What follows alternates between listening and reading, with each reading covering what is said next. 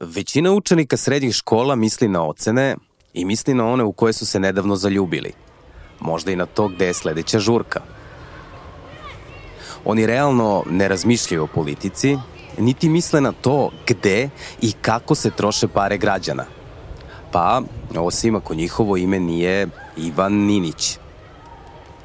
Početkom 2000-ih srednjoškolac iz okoline Beograda počeo je da postavlja nezgodna pitanja. Želeo je da sazna gde i zašto odlaze njegove pare za hranu. I ova pitanja su otvorila pravo osinje gnezdo korupcije i nenamenskog rasipanja novca. Ali šta motiviše nekog kao što je Ivan da uđe u to? Zašto je rizikovao sve, pa čak i mogućnost da ga izbaci iz školskog doma kako bi rasvetlio istinu? Meni je sada iz ove perspektive i ove vremenske distance a, to neobjašnjivo potpuno. ja, ja, ja, ja ne umem da objasnim šta sam radio i zašto sam radio.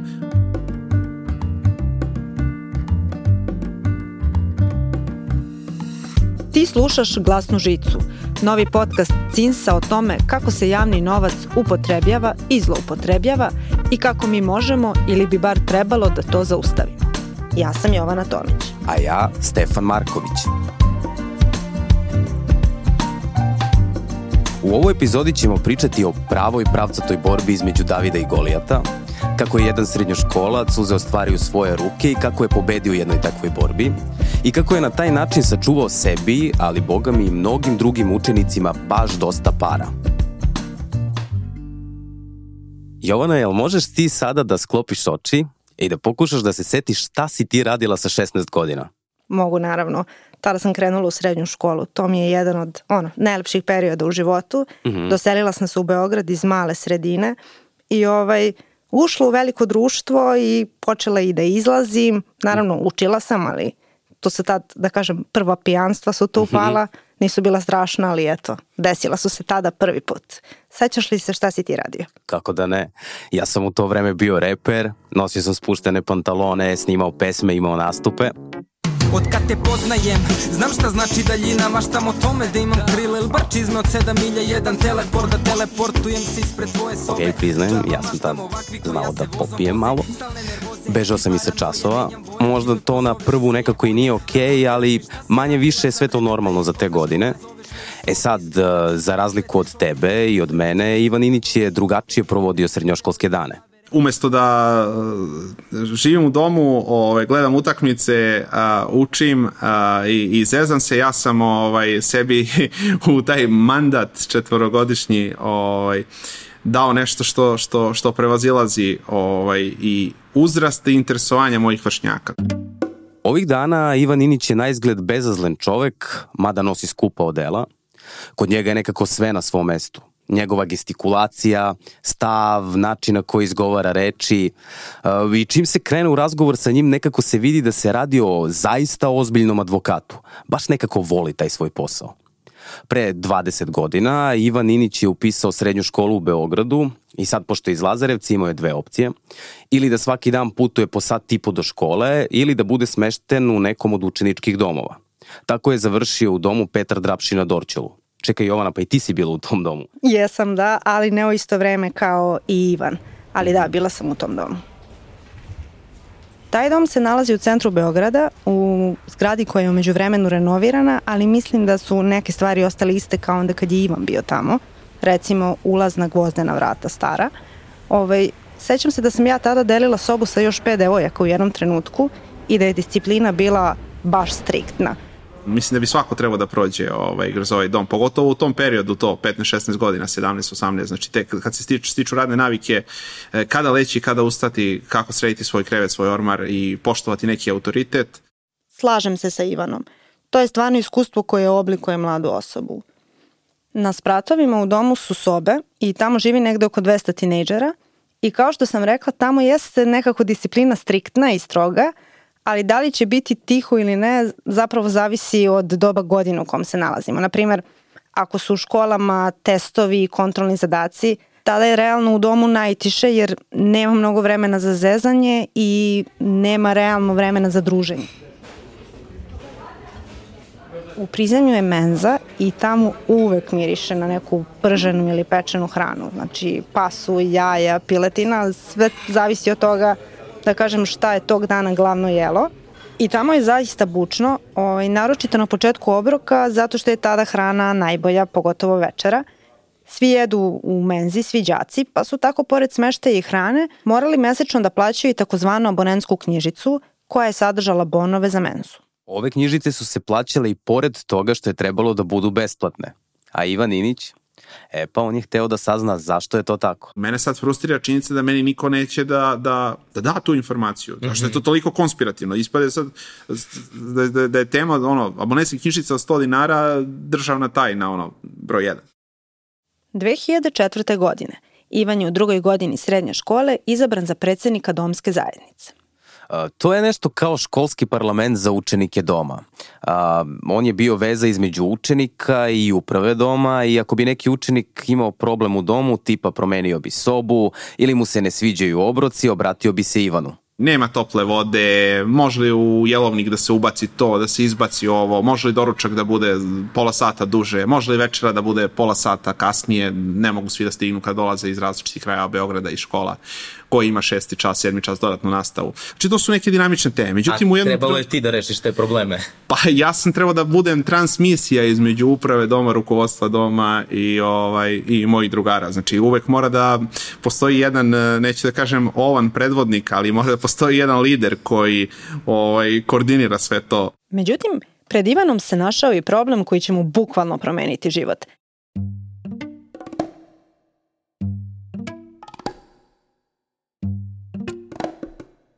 Naime, učenicima su svakog meseca u domu izdavane abonentske knjižice.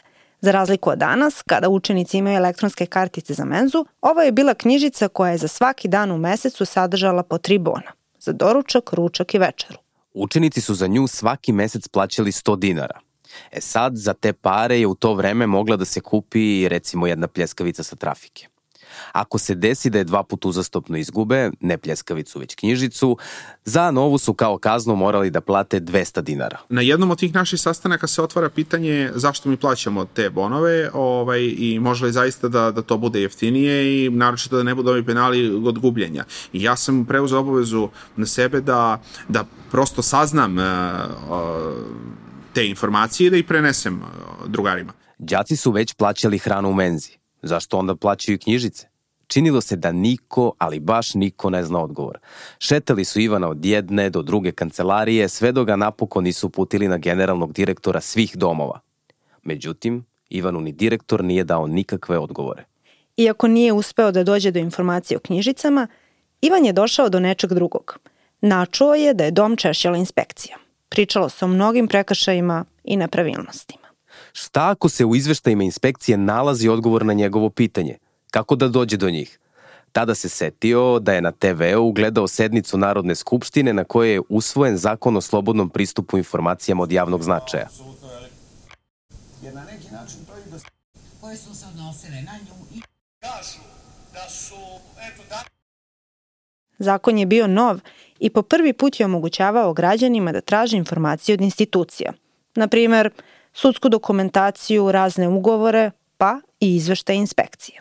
I Ivanu je tada sinulo zašto ne bi testirao zakon i tražio dokumentaciju od inspekcije. Sjećam se zaista sam sedeo u biblioteci ovaj, u domu i na Google skinuo zakon i odštampao zakon i brinuo o tome šta mora da sadrži moj zahtev.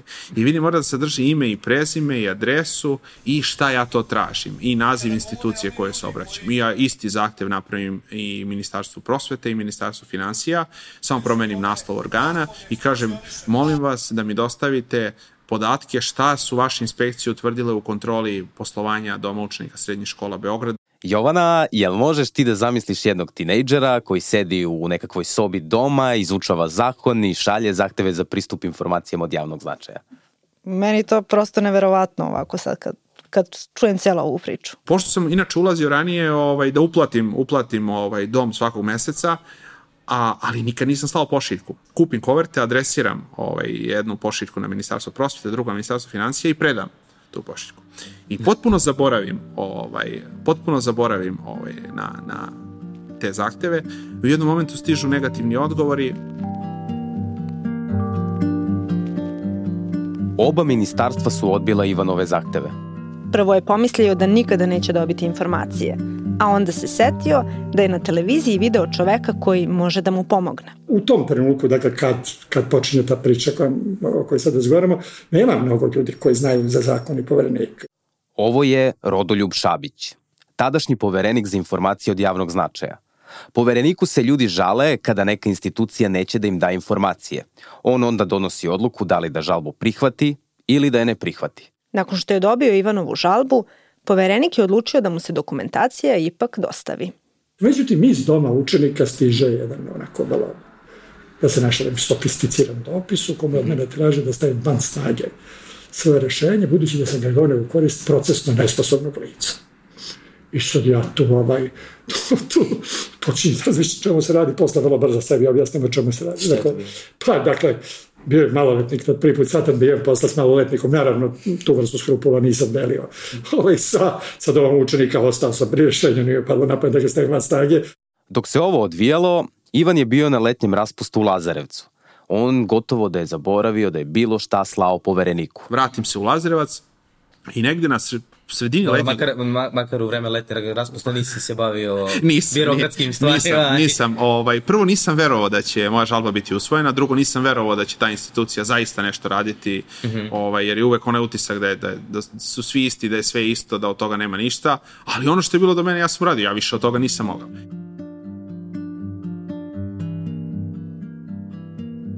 Jedan dan, dok je išao kod drugara, Ivan je čuo da ga neko doziva. Poštar na motorčiću juri, juri ovaj, za mnom i maše mi rukom da stane. Dobro. I ovaj, ja stanem i znamo se po imence, pošto se zove Dragan, reci Dragane, ovaj, pomislim su neki računi nešto ovaj, za kuću, kaže imam poštu za tebe, ali to je toliko obimno, kaže, te, te, te koverte su toliko ovaj, preobimne, da ja nisam mogao da ih ponesem sa sobom, one su mi ostale u autu, pa ajde gde ćeš biti da ja mogu da ti ovaj, iznesem iz auta, da ti to da. Ivan se uplašio jer nije imao pojma šta bi moglo to da bude. Kada je video izvešte inspekcije, samo što nije skočio od sreće. Svakog dana sam išao na pecanje, bukvalno svakog, svakog drugog dana, Aha. obustavljamo Sve. pecanje, o, ovaj, uzimamo marker i krećemo polako. I taj zapisnik, sjećam se, preko 50-60 stranica je ovaj, imao i neke priloge ovaj, takođe, takođe imao. Među silnim papirima našla se informacija koju Ivan zapravo tražio. Iako su đaci plaćali abonentske knjižice, direktor doma je inspekciji rekao da su one besplatne. I meni se pali lampice, ja kažem, aha, ja kad vas pitam ovaj, e, kome ide taj novac, zašto 100 dinara, može da se to ne naplaćuje, vi kažete, vi čutite, ignorišete, sada ins- inspekciji dajete izjavu da je to besplatno. Znači, taj novac neko uzima i stavlja u svoj džep. I to je prva lampica crvena koja se pali meni u tom trenutku, pa nas neko potkrada. Neko potkrada đake. Ali ko? Glasnu žicu možeš da slušaš na svim platformama na kojima inakše pratiš podcaste. Ako ti se sviđa ono što radimo, pomozi nam da nastavimo i podrži nas preko Patreona ili putem našeg sajta.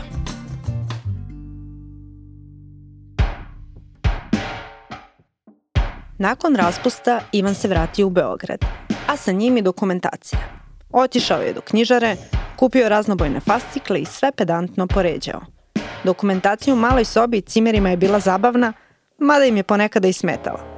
U jednom momentu mi cimeri kažu, e, ajde skloni ove papire da ne prospem sok ili da mogu da ručam ili da, ne, da ti ne isprljam ovo. to, to, to, to. Ovaj, I bilo je trenutaka kad neko tako donese neke sla, poslastice slatkiše od nas, neku pitu ili ovaj, ne znam, tako neko ovaj, prase, jagnje ili ovaj, pršutu, onda je bilo ono, daj prvo skloni ove, ove papire da mogu da, Dokumentaciju, da mogu... Pa nije, ovaj, nije, da, nije baš uobičajena dekoracija za jedan učenički sto. pa nije, mislim, pazi tu da padne ovaj parče torte ili tako nešto. Gotovo Ali- izveštaj. Nakon što je onako štreberski pročitao dokumentaciju, Ivan je rešio da nastavi sa svojom potragom. Znao je da im uzimaju pare za nešto što je besplatno. Otišao je kod inspektorke sa namerom da je ubedi da ponovo dođe u kontrolu. Dolazim kod nje, ona kaže, izvolite, sedite, ovaj, moram da uzmem vaše lične podatke, ličnu kartu. Ja kažem, pa ja nemam ličnu kartu. Kako nemate ličnu kartu?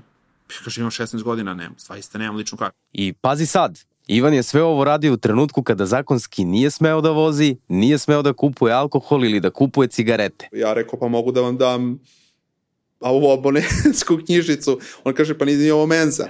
Rekao, ja imam abonetsku knjižicu, evo ja sam poneo i ovaj, mogu da vam zdravstvenu knjižicu. I, ovaj, e, ali su u tom momentu upali lampice i kažem, gospođo Pantelić, ja nemam ličnu kartu, imam nešto drugo. Ja imam ovu GSP karti, povlasticu. kaže ona, pa nije ovo autobus, ovo je budžetska inspekcija Ministarstva financija. To je upalilo. Prvi susret sa inspektorkom nije mu ostavio najbolji utisak. Ipak, Obećala mu je da će već sutradan da opet dođe u kontrolu. Čim je kročio na ulicu, Ivanu je zazvonio telefon. Rekli su mu da hitno ode do generalnog direktora svih domova. Kada je ušao u njegovu kancelariju, video da je direktor baš besan. Pitao ga je zašto je prijavio ustanovu koja ga hrani. Međutim, Ivan je pokušavao da objasni da to ništa nije lično, ali direktor nije hteo ni da čuje. Kaže, šta si ti? Jesi ti policajac? Jesi ti tužilac? Jesi, šta zamišljaš ti? Mislim, možda ti ja budeš normalan koji sva druga deca, ideš u školu, budeš dobar, uzoran, ovaj, šta sad treba ovde da pokrećemo disciplinske postupke da ti isključujemo iz doma? Međutim, Ivan nije odustao. Da sam to hteo da radim, ovaj, ne, ne, ne, ne bih išao ovim putem. Ja ostajem pri su ovoj, ovoj prijavi.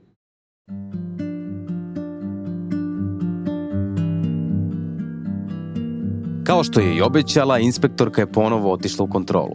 Dobila je spiskove učenika i koliko je novca zapravo prikupljeno od naplate knjižica. I onda je bilo potrebno nekih 20 dana da se napravi dopuna kontrola i napravi jedan obiman izveštaj o, da kažem, teškim zloupotrebama tog novca koji je prikupljen na taj način. Uh -huh. A jesi ti tražio da ti možda dostave izveštaj šta je ona pronašla? Da. Na isti način sam, znači, podnao zahtjev za informacije i došao... Aha, da... ponovo si slao. Ponovo, ponovo sve isto, jer ja čujem da je kontrola ovaj, završena i čujem da priča se, šuška se da sam bio u pravu i da dom nije smeo da naplati taj novac i da će najverovatnije morati da nam vrati. Ovoga puta Ivan je dobio odgovor. Blizu 5 miliona dinara je uzeto od đaka putem naplate knjižica. Ja presrećan sa revoluciju diže. A na šta su trošili ove pare? Dodatak na plate upravnika domova. Za taksi usluge. Lozovu rakiju. E, vidiš, bilo je tu i torti i kolača. Neki su se čak zaslađivali prasetinom i jagnjetinom. E sad, Jovana, ruku na srce, jedan deo novca jeste korišćen za dom. A, kad bi se razbilo nešto sitno, da se brzo zameni, tipa neko ošteti sto ili polomi ogledalo i onda brzinski kupe novo i zamene ga. Pet upravnika domova i generalni direktor svih domova su na sudu kažnjeni simbolično. Prihvatili su neki simbolični iznos od 35.000 dinara. Generalni direktor je tvrdio da nema novca pa je pristo na neki društveno ovaj, humanitarni rad. A šta je sa parama? E vidiš, novac je vraćen učenicima. Međutim, nisu ga vraćali upravnici domova, već je plaćeno iz budžeta. Naravno, parama građana. I ja sam dobio negde oko 1200 dinara za jednu, jednu godinu. Možda se pitate šta je nakon presude bilo sa direktorima. Pa dobili su otkaz, ali tek nakon pritiska medija – Ivan se priseća kako ništa od ovoga ne bi bilo moguće bez Rodoljuba Šabića, kojeg je kasnije i lično upoznao. U Savezu komunista to ono, kao da ste se rukovali sa drugom Titom. Ovaj. na tom nivou. Da, da, da. Ivan Inić je danas uspešan advokat koji čuva sećanje na ovu srednjoškolsku borbu.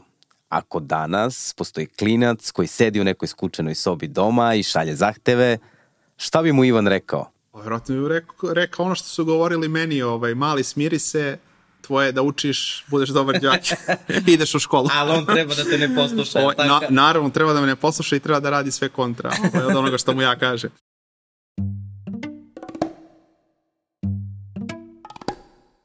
Reci mi Jovana, u kom si ti periodu bila u domu?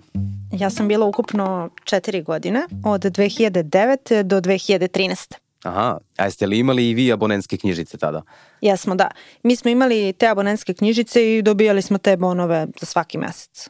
I plaćali ste ih dodatno kao Ivan ili? Ne, nismo ih, Niste? da. U tom periodu ih nismo plaćali, to je da kažem bilo besplatno. Uh mhm. -huh. Tada je bilo platimo stanarinu i hranu na početku meseca i nije bilo nikakvih dodatnih uplata za bonove. Eto vidiš, da nije bilo Ivana, verovatno bi i ti morala da plaćaš te bonove. Ovo je bila Glasna žica. Današnju epizodu producirali su Centar za istraživačko novinarstvo Srbije i podcast RS. Uređivao je Vladimir Kostić. Originalna muzika Rade Sklopić, snimanje i dizajn zvuka Dejan Tomka. Ja sam Jovana Tomić. a ja Stefan Marković. Ukoliko imate neku zanimljivu priču koja se tiče javnih financija, znate neko ko je promenio sistem ili je razotkrio neku aferu, pišite nam na podcast.cins.rs. Hvala na slušanju.